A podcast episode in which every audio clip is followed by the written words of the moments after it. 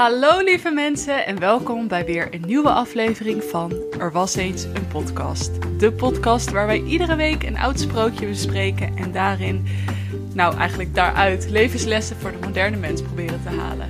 Yes, ik ben Merel, ik ben dramaturg en theatermaker. Ik ben Floor uh, en ik, ben, uh, ik werk bij een uh, groot techbedrijf. Moet ik al een nieuw job. Wil je vertellen waar je gaat werken, Flo? Ja, nou, um, ja, dat is goed. het voelt heel raar, want ik ben er nu nog niet aan het werk. Maar tegen de tijd dat deze aflevering uitkomt natuurlijk wel. Um, ja, ik uh, heb een nieuwe baan. Ik uh, werk nu bij Google. Bij Google! Woehoe! Ja. Crazy. Ja, echt zin in. Ik ben benieuwd hoe het is tegen de tijd dat dit uitkomt. Dus als je dit luistert en je denkt, wow, ik ken Floor persoonlijk en ik heb nog niet aan haar gevraagd hoe het op de nieuwe baan is, dan mag je dat nu doen. Yes. Ja. Is wel zo aardig. Ja. Hey Meer, we zijn weer verder met onze, onze wereldsprookjes uh, literatuur. Ja. Deze week gaan we Russische sprookjes bespreken, toch? Of één Russisch sprookje in ieder geval. Ja, een Russisch sprookje, inderdaad. Dus we hebben de afgelopen weken hebben we natuurlijk een Chinees sprookje gehad, na, na onze gebroeders Schimreeks. Chinees sprookje. Uh, we hebben een sprookje uit Duizend en een Nacht, of in ieder geval het kaderverhaal van Duizend en een Nacht. En nu een Russisch volkssprookje. Ja, helemaal leuk. Ben je benieuwd? Ik ben heel benieuwd, ja, zeker. Ik heb al wat over Russische sprookjes gelezen en ik ben heel benieuwd hoe dat naar voren komt in eh, het sprookje wat jij vandaag gaat Nou, ik vond het serieus best wel een fun sprookje. Ja? Ja, het heeft best wel. Ik ben benieuwd of jij. Nou, natuurlijk, naar kan jij dat. Maar ik ben ook benieuwd hoe snel de luisteraars thuis dat doorhebben. Op welk ander sprookje. Wat wij ook wel hebben besproken in deze podcast. eh komen wat elementen eh, in voor. Maar dat bespreken we tegen die tijd wel. Cool. Ja. Nou, eh zal ik je eens wat vertellen over Russische sprookjes, Floor? Wacht even, wacht even. Is dit Merels dramaturgische hoekje? Zeker weten. Ja, go ahead. Ehm, nou, een Russisch sprookje of volksverhaal heet ook wel een skaska. Skaska. Een skaska. En dat kan, de term skaska kan in veel verschillende vormen worden gebruikt. Zo heb je een, eh, nou, ik ga het niet uitspreken, want dat kan ik niet. Maar je hebt een, Believe in yourself, Merel. je hebt een Volshepnaya skaska. Dat is een magisch verhaal, dus oftewel een sprookje. Je hebt de Skaski o Zitvonikch. Dat zijn verhalen over dieren. En eh Bitovje Skaski zijn huishoudelijke verhalen, oftewel verhalen over alle dag. Dus zo heb je zeg maar verschillende typen sprookjes die in verschillende categorieën passen. En zo wordt het ook aangeduid in de Russische taal. Ja, want bijvoorbeeld die huishoudelijke sprookjes of verhalen, die huishoudelijke verhalen, zou je dat ook klassificeren als een sprookje dan? Eh, ja, of als een verhaal, in ieder geval een volksverhaal. Oké.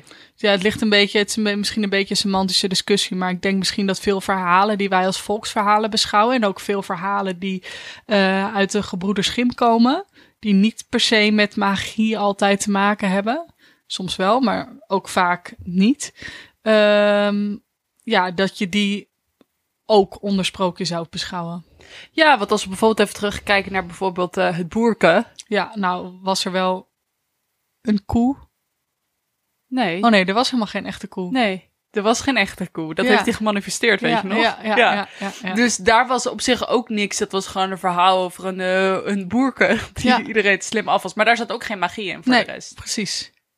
Nou ja, goed. In, eh, in, eh, in Rusland eh, werd net als in West-Europa eigenlijk pas rond de 18e eeuw sprookjes verzameld. Ah, nee, eigenlijk de 19e eeuw en bestudeerd. En de Russische sprookjes werden eigenlijk gelijk verzameld en gecategoriseerd en eh, ja, gegroepeerd in verschillende soorten verhalen met verschillende soorten plots. Nou is dat later in de 19e eeuw ook bij Europese sprookjes gebeurd. Kunnen we het misschien later nog wel eens over hebben. Ehm, maar niet gelijk bij de gebroeders Grimm. Maar waar kwamen die sprookjes dan vandaan? Ehm, nou, er wordt gezegd dat de Russische folklore ook afstamt van de West-Europese folklore. Dus Oh ja. dat ook dat eh, ne- verschenen, na, eh, verschenen is nadat de gebroeders Grimm hun bundel hebben uitgegeven. Dus dat het ook deels daarop gebaseerd is. Dus, ehm, en volgens mij de schrijver van het boek, of de verzamelaar van het boek wat jij voor je hebt, is ook degene die de sprookjes origineel heeft verzameld. Dat is namelijk Afanasiev. Ja.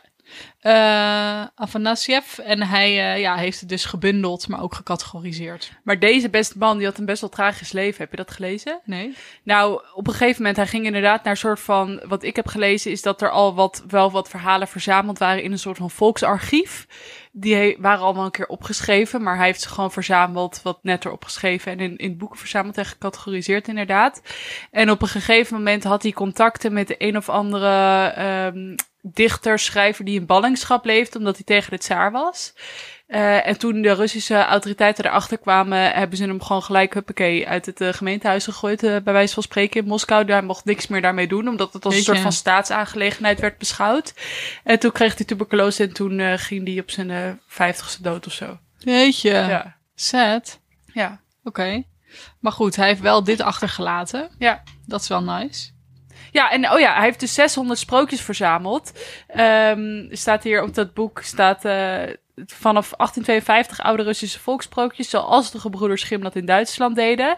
Hij heeft ruim 600 sprookjes verzameld, wat de meeste sprookjes zijn, of verhalen zijn die door één man zijn verzameld. Ja, vet. Dus, en hier zijn eh 50 in het boekje wat ik heb. 50 Gaaf. van die sprookjes. Ja, want sprookjes in Rusland werden eigenlijk net zoals in Europa gezien. eh, nou, ligt Rusland natuurlijk ook deels in Europa, maar West-Europa in ieder geval. eh, gezien ter lering en ter vermaak. Ehm, ze zijn eigenlijk heel lang niet opgeschreven, wat eh, ook anders is dan in Europa. Dus eigenlijk echt tot die 18e eeuw zijn ze niet opgeschreven. Omdat geschreven eh, ja, verhalen eigenlijk werden voorbehouden aan verhalen met religieus doel. Dus de Bijbel. Dus het heeft een sterke orale traditie. En het was eigenlijk zo ja, gemixt in de Russische cultuur omdat het echt werd gezien als iets voor iedereen. Dus voor arm en rijk niet echt als, ja, wel als volksverhalen, maar ook de rijke aristocraten die, eh, ja, die hielden van sprookjes. En het werd ook gezien als een middel, een belangrijk middel om eh, kinderen eh, ja, lessen over het leven mee bij te brengen. Ehm, sterker nog, toen Stalin aan de macht kwam aan het begin van de 20e eeuw. Oeh, eh, het wordt een echt geschiedenislesje zo. ja. ja. toen Stalin aan de macht kwam, eh, ja, vond hij eigenlijk dat alle ja, sprookjes en volksverhalen, dat die zo'n grote invloed hadden op de Russische cultuur, dat die eigenlijk ten dienste moesten staan van bevordering van het socialisme, eh, ter promotie van de USSR. Dus toen hebben ze een hoop nieuwe verhalen, eh, ja, eigenlijk de Russische wereld ingebracht, die toen ook populair werden. Zoals eentje die, eh, even kijken, Grisha en de astronaut heette. Eh, en die zoekt de, die- dat sprookje onderzoekt de passie van de moderne Rus om door de ruimte te reizen. Zoals in werkelijkheid te zien is met de space race tussen Rusland en de Verenigde Staten. De passie van de moderne Rus om door de ruimte te reizen. Want iedere Rus die had die behoefte. Dat was Juist. gewoon inherent aan Rus zijn, was dat je de ruimte in wilde. Nou ja, dat wilde in ieder geval Stalin wel laten geloven aan de, aan, de- aan de kindertjes. En eh, ja, deze nieuwe verhalen die hadden eh, eigenlijk een sterke focus op innovatie en uitvindingen die de personages konden helpen in de verhalen. En dat was dan weer in plaats van de magie die vroeger in die verhalen centraal stond, was het nu de nieuwe uitvindingen eh, ja, die de personages eigenlijk verder hielpen in hun ontwikkeling of in de opdracht die ze moesten vervullen. Oké. Nou, ook wel fun om misschien een keer te bespreken. Ja, Ja, Grisha en de astronaut. ja. Dat was hem eigenlijk. Wel leuk, hè? Ja, ja. Ik ben ook gewoon vooral benieuwd, want wat ik, ik heb dit boekje, tenminste, ik heb niet alle sprookjes natuurlijk gelezen, want natuurlijk ben ik twee uur voor de podcast begonnen met een sprookje uitzoeken. Zo ben ik dan ook wel weer. Want ja, ik ben nog werkloos. Floor. Oké. Ehm, nee, maar ehm, wat me ook wel opviel is dat er wel veel, ehm, nou ja, gewoon een soort van heksen en zo in voorkomen. Ja, en één archetypische heks. Ja, Die archetypische heks, die eh, gaan we zo bespreken ook. Ja. Want die komt hier ook in voor.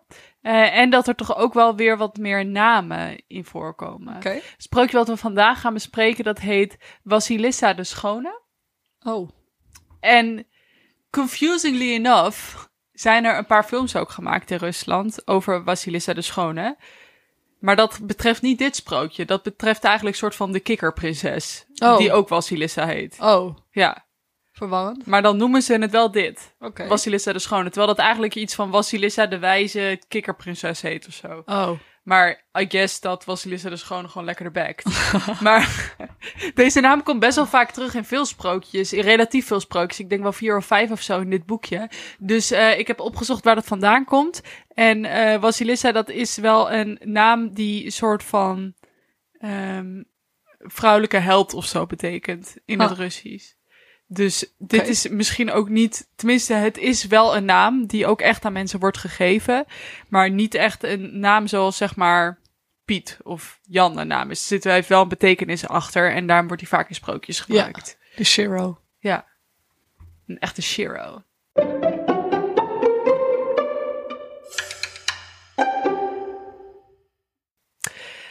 Klaar ervoor? Ja. Oké. Okay. Er was eens een koopman. Oké. Okay. Deze koopman was twaalf jaar lang getrouwd. Uh, en met zijn vrouw hadden ze uh, een dochter uh, samen gekregen. zij heette Vasilissa de Schone. Ze hadden ze haar blijkbaar genoemd. toen Vasilissa acht oud was, toen stierf de moeder. Uh, en uh, de moeder die uh, riep dat kind, arme kind van acht jaar, bij zich op haar sterfbed. en ze zei, luister, Vasil Vasilisushka. Dat is een, een koosnaampje. Vasilisushka. Een, verklein, een verkleinwoordje. Ja. ja. Vasilisushka. Ze zegt, die moeder zegt tegen Vasiliska, Vasilissa, sorry. Um, denk aan mijn laatste woorden en houd je eraan. Ik sterf nu en laat je met mijn moederlijke zegen dit popje na. Houd het altijd bij je en laat het aan niemand zien. Maar wanneer het een of andere verdriet overkomt, Wanneer je het een of andere verdriet overkomt, dan moet je het te eten geven en om raad vragen. Het popje zal dan eten en je zeggen waarmee je het ongeluk kunt verhelpen. Oké. Okay. Magisch popje. Een magisch popje. Het wordt hier niet gezegd, maar ik heb op Wikipedia gelezen en daar stond dat het popje van hout was. Het was een soort van talisman eigenlijk. Mm -hmm. Maar goed, dus je moet het popje eten geven. En dan gaat het popje dingen voor de doen.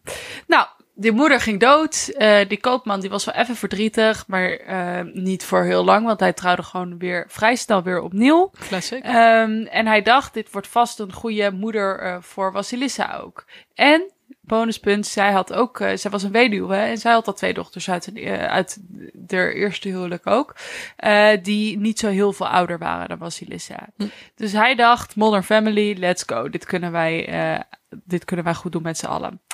Um, maar nee, want uh, eigenlijk was ze helemaal niet zo'n goede moeder voor Vasilissa. Want wat er vervolgens gebeurde, was dat die stiefmoeder en die stiefzusjes heel gemeen gingen doen tegen Vasilissa. Dus wat zij moest doen is schoonmaken. Zij moest uh, op de knieën schoenen poetsen, dat Zo, soort I dingen. wonder waar de inspi vandaan komt. Ja. Als ze poetster. Ja. Ja, echt hè? Ja, het is weer precies eigenlijk hetzelfde. En het grappige is, want wat er vervolgens gebeurt in het sprookje, is dat de tsaar een bal gaat geven en die wil zijn zoon uithuwelijken. Oh, echt? Nee. Oh. dat is helemaal niet wat er gebeurt. oh mijn god. Oké, okay, goed. Um, nou, de, de stiefmoeder en de zusters die waren echt wel jaloers op Vasilissa dat zij zo mooi was. Dus wat zij deden is dat ze haar aan het werk lieten gaan in de hoop dat zij uh, dun en lelijk zou worden, uh, zodat zij mooi gevuld en mooi konden blijven. Dat staat hier letterlijk in het boek. Dus hier okay. wordt zeg maar soort van volle rondingen, dat wordt gepresenteerd als heel mooi en dun, dat is vanzelfsprekend dan lelijk in dit geval. Ja. Nou ja, volgens mij hoeven we niet aan een lichaam, lichaamstype mooi of lelijk te hangen, sowieso. Maar nee. het is wel opmerkelijk dat het hier omgekeerd is als we zien wat de huidige moraal is. Ja. Nou, tenminste in de zero's. Nu is het misschien ook niet meer het schoonheidsideaal. Nee, maar nog wel Heel gewoon dun. slank. Ja, precies. Ja. Nou ja, goed. Het, uh, het hielp echter niet, het plannetje van de stiefmoeder en de stiefzusters. Uh, want zij werden zelf alleen maar dunner. En Vasilissa die bleef gewoon heel mooi en Waarom vol. werden zij dunner? Ja, dat, dat weet ik niet. Maar oh. in ieder geval... het, het en oh ja, trouwens, wat ze ook nog deden, was dat ze haar in het werk gewoon buiten uh, zetten. In de hoop dat zij dus bruin zou worden. En dat zij dus bruin gekleurd zou worden. En dus daardoor ook lelijker zou worden. Okay, Wat ja. dus hier eigenlijk het omgekeerde is, natuurlijk, in de huidige maatschappij. Als je hier slank bent en mooi gebruind door de zon, dan ben je, dat is soort van hier het schoonheidsideaal. Ja. Maar in het Rusland van de 1700 was dat dus andersom. Ja. Um, Maar goed, Vasilissa die deed dat allemaal gewoon, maar zij werd eigenlijk alleen maar mooier. En ze werd ook niet bruin en ze, ze, ze werd steeds gevulder. En die stiefzusters die bleven maar gewoon een beetje lelijk. Nou, hoe kwam dat nou? Nou, het was eigenlijk dus het popje van Vasilissa wat al dat werk voor haar deed. Want iedere keer als zij aan het werk moest, zij spaarde haar eigen avondeten om dat vervolgens bij haar popje uit te huilen en haar popje haar avondeten te geven. En vervolgens deed het popje altijd wel. Waarom viel zij dan niet af? Omdat zij niet werkte. Oké, maar ze had ook niet. Oh ja, nou goed, weet je, ik denk dat dat popje niet zo bijster veel eet. Ik bedoel, het is een Hier, kleine heb je houten één poppetje. wortel. Eén rijstkorrel.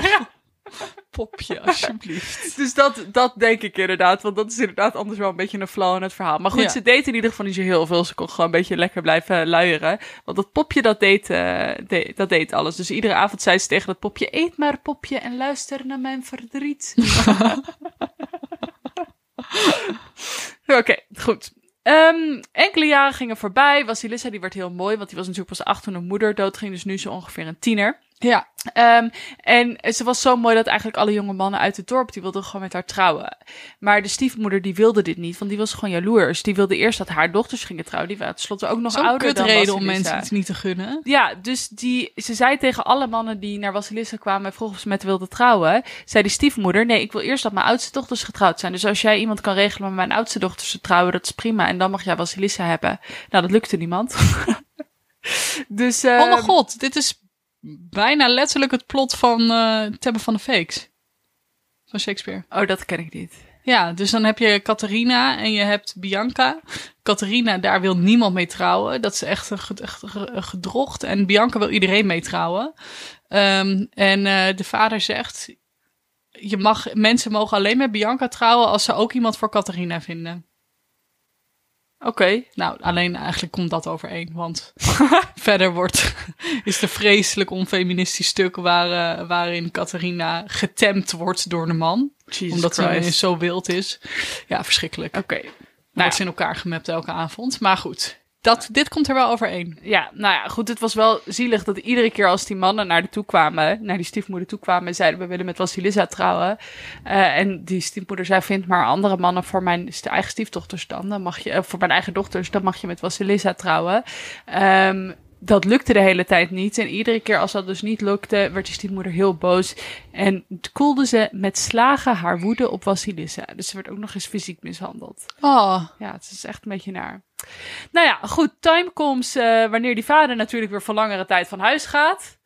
As they do.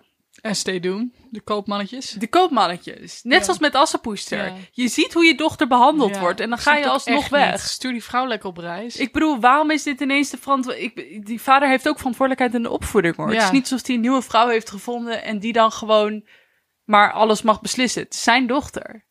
Ja, precies. Hoe zou dat legaal zijn? Ik bedoel, je kan toch niet zomaar je minderjarig kind achterlaten bij een vrouw? En wel zou getrouwd zijn. Ja, oké. Waar, zijn- waar zijn ze getrouwd? Ja, Oh. Nou goed, die vader die ging voor lange tijd op reis. Wat de stiefmoeder toen gelijk diezelfde dag deed, is dat ze hun huis verkocht. en ze gingen naar een ander huis dat Eerlijk, was wel een omgeven door een somber, somber bos. Een somber bos. Een somber bos. Hoe ja. zou een somber bos eruit zien? Beetje treurwillig of zo? treurwillig vind ik altijd heel somber. Het ja. was in ieder geval een somber bos. Nou, in dat bos was het zo dat er ergens ook een open plek was in het bos. En daar stond een huisje. En in dat huisje woonde de Baba Yaga. Ah, there she is. Ja, dus dit is waar we het net over hadden. Eh, dit is het soort van archetypische heks die eh, in eh, veel Slavische folklore voorkomt, de Baba Yaga. Dat is dat meestal een oude vrouw die alleen woont ehm, en die ehm, mensen, eh, mensen vaak wat aandoet. Hier staat zelfs, ze liet niemand bij zich toe en at mensen op of het kuikens waren. Hmm. Dus ze was gewoon heel evil. Hmm. Die stiefmoeder die wilde daar zo dicht mogelijk bij wonen. En waarom?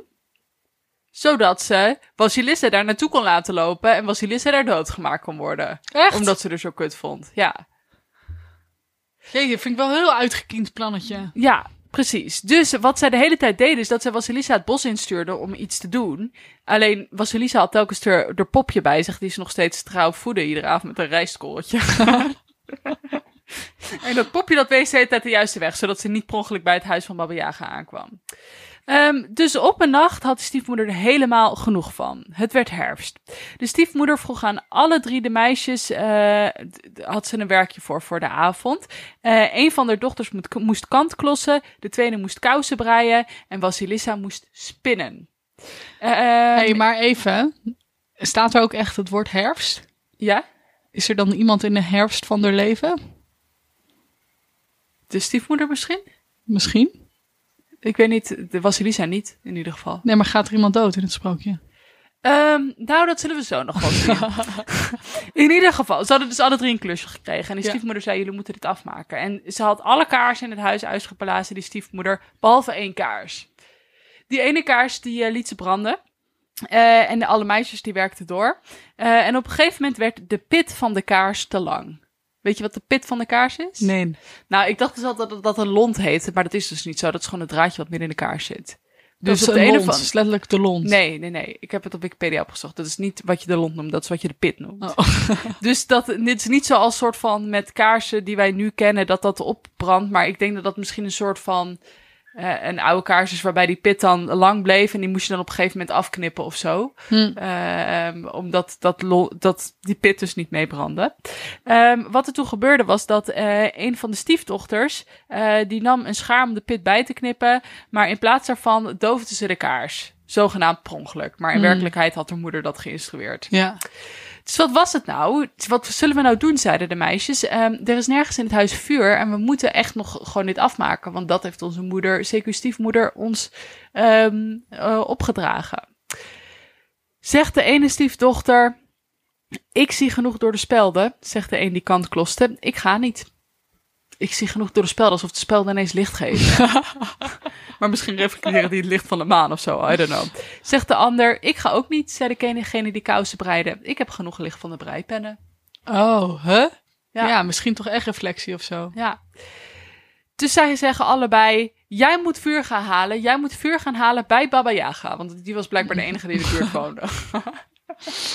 dus door deze uitgekiemde list werd zij midden in de nacht naar het huis van Baba Yaga gestuurd om vuur te halen. Hij stuurde Vasilissa de, de, de kamer uit. Nou, Vasilissa was helemaal natuurlijk in tranen, was in paniek, dacht wat moet ik nou doen? Haalde de popje tevoorschijn, gaf er wat eten, moest huilen. En het popje, die zei tegen haar, ga nou maar gewoon, ik help je wel. Eh, en dan gaan we samen vuur halen bij Baba Yaga. Ik vind dit ook gewoon zo debiel. Ik bedoel, het is toch een domme list? Ja, maar ook van... Waarom zou je alleen daar hout kunnen halen of vuur kunnen halen? En ten tweede, als ik Wasilissa was, dan zou ik liever doodgaan dan naar Baba Yaga gaan. Ja. En waarom zou ze dat nu dan ineens nou ja, goed, doen. Ik denk dat misschien omdat het in de midden in de nacht was, dat ze niet zo goed kon zien waar ze liep, dat dat misschien de list van die stiefmoeder was. Ja. Maar waarom dan dat hele ding met die, met die soort van, oh, jullie krijgen allemaal een taakje. En nu Ja. doof ik per ongeluk de enige kaars die er nog is. Maar ik bedoel, zeg gewoon tegen haar, als, ik bedoel, het is een kind. Je kan Ja. gewoon s'nachts tegen haar zeggen van, ga nou bos vuur halen. Ja. Nou, goed. Ehm, en ze was, was Elisa, die, eh, die trok het bos in samen met de popje. Eh, en ze was heel bang. Eh, maar plots doemde naast haar een ruiter op, eh, die helemaal in het wit gekleed was. Zijn kleding was wit, hij zat op een wit paard. En toen begon het licht te worden. Ze liep verder ehm, en daar kwam een tweede ruiter aangegalopeerd. Zijn gezicht was rood, kleding was rood, paard was rood. En de zon ging op.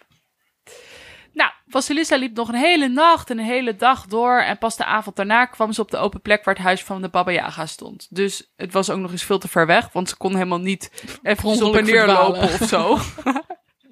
dus ondertussen zouden ze alvast wel lang vuur gehad hebben, want het was alweer licht. Nou, ze kwam, eh, ze kwam bij de, de, de, het huis van Baba Yaga en het was nogal, nogal angstaanjagend, want de palissade rondom het huisje bestond uit mensenbeen, eh, mensenbeenderen. Weet je wat de palissade is? Nee. Dat is een soort van hek. Er waren veel woorden in dit verhaal die ik ook niet wist, die ik heb opgezocht. Nice. Een soort van hek rondom het eh, huisje bestond uit mensenbeenderen. Heel. De punten ervan waren doodshoofden met gestoken ogen. De posten van de poort waren mensenbeenderen. De deurkrukken waren handen. En het slot was een mond met scherpe tanden. Heel, waarom zo gedetailleerd? Ja. Ja, nou goed, Was- was natuurlijk heel bang. En eh, plotseling kwam er weer een ruiter aanrijden. Zijn gezicht was zwart, hij was geheel in het zwart gekleed en zat op een zwart paard. En hij galoppeerde langs haar voor de deur van het huis van Baba Yaga. En toen uh, verdween hij in het niks. Nou, Vasilis was helemaal bang, want het was ondertussen alweer donker. Met het komst van die zwarte ruiter werd het ook gelijk donker. Um, en uh, kort daarop uh, begon er in het bos uh, een lawaai op te komen en de bomen kraakten, de dorre bla bladeren ritselden en uit het bos kwam de Baba Yaga aanrijden. Uh-oh.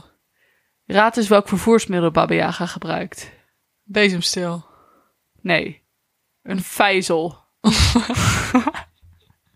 een vijzel? Zo'n ding dat je in zo'n bakje doet om dingen te pletten? Ja. Dus dat zo'n bakje 10 centimeter groot. Ja, het is een vijzel groot genoeg voor Baba Yaga om in te zitten. Uh, en um, ze, ze spoorden hem aan met de stamper. Dus ze zat zelf in dat bakje en met die stamper, zeg maar, waar je normaal pesto in maakt, hè mensen, ja. dat is een vijzel. Dus daar zat ze in. En met die stamper duwde ze zich voort. Jesus. En dit is dus niet raar voor dit verhaal, want dit is blijkbaar hoe Baba Yaga zich altijd verplaatst. In een vijzel. en dat klinkt zo dom, maar ja, toen dacht ik eigenlijk, toen dacht ik later, dacht ik van, ja, ik vind het wel heel stom klinken in eerste instantie, maar waarom is het per se minder stom dan hem op een bezemstil? Ja, dat is ook heel random. Ja. Ja. I guess dat het gewoon huishoudmiddelen moeten zijn. Ja. Je kan letterlijk ook in een stilpan vliegen. Ja. Of in een, uh, weet ik veel, afzuigkap. Ja. Care. Ja. maar goed, ja, dus Baba Yaga die verplaatst zichzelf um, uh, om een, uh, op een uh, vijzel. en Baba Yaga die zegt tegen Vasilissa van, wat doe jij hier? Um, ik ruik een christenmens. Wie is hier? En Vasilissa die komt dan tevoorschijn. Ze zegt, dat ben ik, grootmoedertje. Blijkbaar is dat dus ook iets wat gewoon gezegd wordt in Russische sprookjes. Mm. Dat alle oude vrouwen grootmoedertje worden genoemd. Mm. Zelfs als het een Baba Yaga is. Um, de dochters van mijn stiefmoeder hebben me naar u toegestuurd om vuur te halen. Goed, zei de Baba ik ken hen. Maar jij moet voorlopig bij mij wonen en werken en dan zal ik je vuur geven. Uh, en als je dat niet doet, dan eet ik je op. Nou ja, goed. Dan um, komen er wel, dan komen er twee dagen waarin uh, eigenlijk allemaal taakjes moet doen die Baba Yaga eigenlijk onmogelijk acht. Uh, maar die kan ze doen met behulp van haar poppetje, wat ze nog steeds bij zich heeft, wat ze ook dan weer eten geeft. En die doet eigenlijk alles voor haar. Nou, aan het einde van de tweede dag um, uh, komt uh, Baba Yaga ook weer terug. Aan het einde van de eerste dag ook heeft ze gecheckt. Aan het einde van de tweede dag komt weer terug. Um, en nou ja, goed, Vasilissa had gewoon alles goed gedaan. Dus hier staat letterlijk in de tekst: De Baba Yaga ging alles zorgvuldig naar, na. Het ergerde haar dat ze zich over niks kon ergeren. Heb je dat wel eens? so annoyed that I'm not annoyed. Ja, dat je het gewoon zo irritant vindt dat iemand alles goed heeft gedaan. Nou goed. Um, uh, dus toen, um, Vasilissa die was gewoon de hele tijd doodsbang eigenlijk voor Ja. Baba Yaga. Oh. Dus op een gegeven moment zei Baba Yaga dan tegen haar, die was gewoon een beetje geïrriteerd dat Vasilissa alles zo goed had gedaan. Zei ze, waarom spreek je niet tegen mij? Je staat daar alsof je stom bent. Zegt Vasilissa, nou ja, ik durfde niet, maar ik zou je wel het een en ander willen vragen als je het goed vindt. Zegt Baba Yaga, nou, ga je gang, maar niet ieder antwoord heeft een goed gevolg. En wie, wie, wie veel wil weten, wordt vroeg oud. Oeh. Ja, Hey. dus dat betekent eigenlijk Ik zou nu al wegrennen. ja, Ja, dus als je veel wil, dus inderdaad, als je nieuwsgierig bent, dan zal je dood nabij zijn. Zoiets is het dan. Ehm, zegt Vasilissa, die vraagt dan over die ruiters die ze heeft gezien in het wit, in het rood en in het zwart. Ehm, en eh, wat is dat dan? Nou, zegt Baba Yaga, die witte is mijn eh, lichtende dag, die rode is mijn rode zon en die zwarte is mijn duistere nacht. En het zijn alle drie trouwe dienaren van mij. Dus dat betekent eigenlijk dat ehm ehm het, de witte, dat is de, de zonsopkomst. De rode, dat is de zon zelf. En Zwart is de de zonsondergang. ja, het is de zonsondergang of de nacht. Ja. Nou ja, goed, dat heeft eigenlijk voor de rest helemaal niet zo heel veel te maken met de rest van dit verhaal. Maar Vasilissa die was gewoon nieuwsgierig. En die dacht toen ook, nu stop ik maar met vragen, want ze had nog wat andere magische dingen in dat huis gezien van Baba Yaga. Maar ze dacht, ik stop met vragen. Ehm en toen eh, zei Baba Yaga, maar nu wil ik wat aan jou vragen. Hoe komt het eigenlijk dat je al deze onmogelijke taken kan doen? Want dit hoort de mensen helemaal niet te kunnen. Zegt Vasilissa, nou, ik heb hier een poppetje, wat mij gewoon Nee. helpt. Ja. Maar ja, goed, dat helpt daar ook wel weer. Want Vasilissa zegt, ik word geholpen door de zegen van mijn moeder. Zegt Baba Yaga, oh, zit dat zo? Maak dan dat je wegkomt, gezegende dochter. Ik ben niet gediend van gezegende mensen. Dus chill. Wordt het huis uitgeschopt. Ehm, maar ze krijgt nog wel van Baba Yaga, die vindt het toch een beetje aardig, een doodshoofd op een stok met brandende ogen mee. Nice. Zodat ze toch wel vuur heeft. nice. Nou, Vasilissa die kan weer naar huis. naar, dit, dit avontuurtje bij de Baba Yaga. Stiefmoeder denkt, kut. Ja, nou ja, de, de- de- ze wordt wel vrolijk ontvangen in het huisje. Want blijkt dat zij in de afgelopen dagen geen vuur hebben kunnen maken in dat huis. Oh. Want ieder vuur wat zij probeerde te maken, werd gelijk weer gedoofd. Oh. Ja. Dus ze waren op zich wel blij eh, dat, zij, dat ze met dat doodshoofd aankwam, met die brandende ogen. Eh, en toen, eh, zei, eh, toen zeiden ze van, nou, leg dat doodshoofd dan maar gewoon daar neer. Maar bleek dat dat doodshoofd, die ogen die brandden, die volgden die stiefmoeder en die stiefdochters overal waar ze gingen. En Creepy. nou, toen, het, toen werd het nacht en toen het weer ochtend werd, waren zij verkoold en dood. Ja, Zie je, het was niet zomaar de herfst. Het Ja. was de herfst van hun leven. Ja, blijkbaar. Ja. Ja, dus zij waren Oh. dood. En wat Vasilisa toen deed, ehm, was eh, dat zij de schedel begroef, zodat die schedel niemand anders meer kwaad kon doen. Zij liep terug naar het dorp waar ze oorspronkelijk woonde, vond onderdak bij een random oud vrouwtje. Eh, en daar ging ze werken, daar ging ze ehm, eh, spinnen eigenlijk. Dus van, van vele vezels één soort van lange draad maken. Mhm. En daar was zij heel erg goed in. Dat poppetje, dat hielp haar ook. En op een gegeven moment ging zij dat weven. Was ze ook heel goed in. Toen had ze een hele lap stof klaar. Toen zei ze tegen dat oude vrouwtje, hier verkoop jij het maar. En dan als dank voor dat je mij hier hebt laten zijn, mag jij Oh. gewoon de opbrengsten houden natuurlijk. En toen zei die, ehm het oude vrouwtje waarbij ze random ineens woonde, zei... eh, Nee, dat is alleen voor de tsaar. Zo fijn is dit. Dus dat oude vrouwtje dat ging naar de tsaar. Die zei van hier heb je dit als geschenk, tsaar. Want eh, dit, niemand anders past dit. Alleen een eh, tsaar past dit eigenlijk. Eh, en toen hadden ze nog iemand nodig om die lappen stof, dus geweven stof, in kledingstukken te maken. Maar niemand had de juiste fijne poezelige handjes om die eh, goede lappen stof te, in elkaar te zetten. Toen ging die tsaar ging weer terug naar die oude vrouw. Die zegt, nou, kan jij dat voor me doen? Zegt ze, nee, maar dat kan Vasilissa wel, want die heeft dit tenslotte gemaakt. En inderdaad, Vasilissa die maakte hele mooie kleding voor de tsaar. Eh, en die kwam dat zelf brengen bij de tsaar. De tsaar die eh, werd natuurlijk gelijk verliefd op haar schoonheid. En toen trouwde ze de tsaar. Wauw. Toen kwam ook ineens de vader weer terug. Tuurlijk. Ja. Als er iets te halen valt, dan komt die vader weer. En ze leefde nog lang en gelukkig met de tsaar, haar vader en het oude vrouwtje waar ze bij in was getrokken. Oh, wauw. Oké, en die vader zei niet van waar is mijn vrouw gebleven? Nee, Oké. had hij geen problemen mee blijkbaar. Oké. Ja.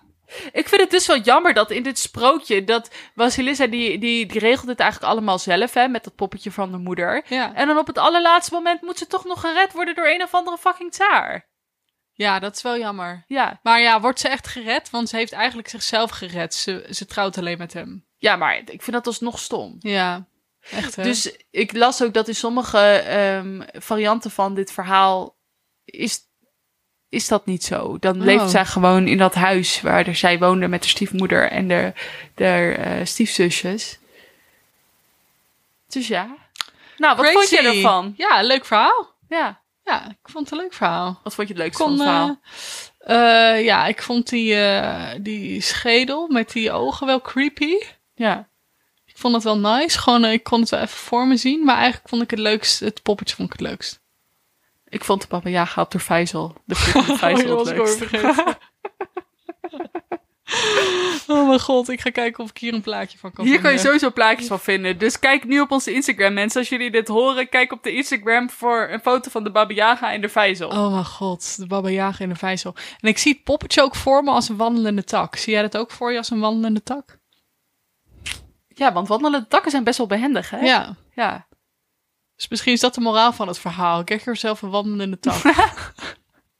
Oké, even, even serieus. Wat zou de moraal van het verhaal zijn? Kijk, ik, toen ik hierover na aan het denken was, dacht ik... Misschien is dat poppetje wat Vasilissa bij zich heeft... is een soort van intuïtie. Staat dat Ja. symbool voor intuïtie Ja, wat ze van haar moeder heeft ik. gekregen. Eh want dat poppetje dat helpt haar, geeft haar zelfvertrouwen... en daar kan ze ook bij uithuilen.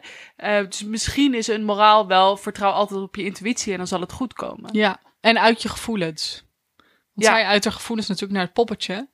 Maar het is meer van, ja, ook al niet tegenover iemand. Het is goed om het gewoon eruit te laten. Om het te en erkennen dat vervolgens het er dan, is. ja, en je dan, intuïtie te volgen. ja, En gewoon vertrouwen in hebben op een goede afloop. ja. Want zij doet ook maar gewoon YOLO dingen, terwijl ze daar de hele tijd gewoon ook bang van wordt. En dan lukt het er altijd. Ja, Maar ze doet dat omdat dat poppetje natuurlijk tegen haar zegt: ga maar, het komt goed, vertrouw op jezelf en ik help je. Ja, Maar ik denk dus dat we dat groter kunnen zien als eigenlijk een soort van onderdeel van haar, van een onderdeel van de overleden moeder. ja, ja, precies. Haar overleden moeder die toch bij haar is.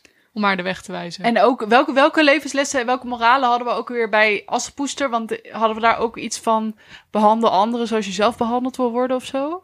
ja, Want dat Zoiets. is weer een beetje het ding van die stiefzussen natuurlijk. Die stiefzussen die zijn heel jaloers en die stiefmoeder ook. En dat is gewoon lelijk. En dat moet ze uiteindelijk met de dood bekopen. ja, maar zij waren ook wel gewoon evil. En bijna, in bijna alle sprookjes gaan evil mensen dood. Ja, behalve bij het boerken. Ja, true. Ja. Aflevering 3, mensen. Ja. Aflevering 3.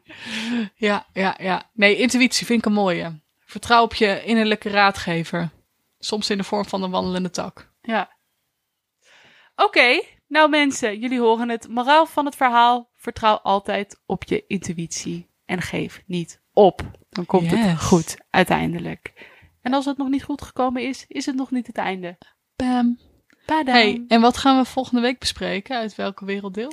Oeh, wat dacht je van een Italiaans volksprookje? Oh, fun. Ja. ja. Oké, volgende week dan een Italiaans volksprookje, mensen. As always, als jullie dit leuk vonden, doe dan eventjes subscribe op Spotify of geef ons sterren op Spotify of eh, volg onze Instagram pagina er was eens. Ehm, als jullie tips hebben voor sprookjes of gewoon algemene opmerkingen, horen we dat ook graag. Yes, zeker. Oké. Nou, dag mensen, tot volgende week. Doei mensen. Bye. Bye.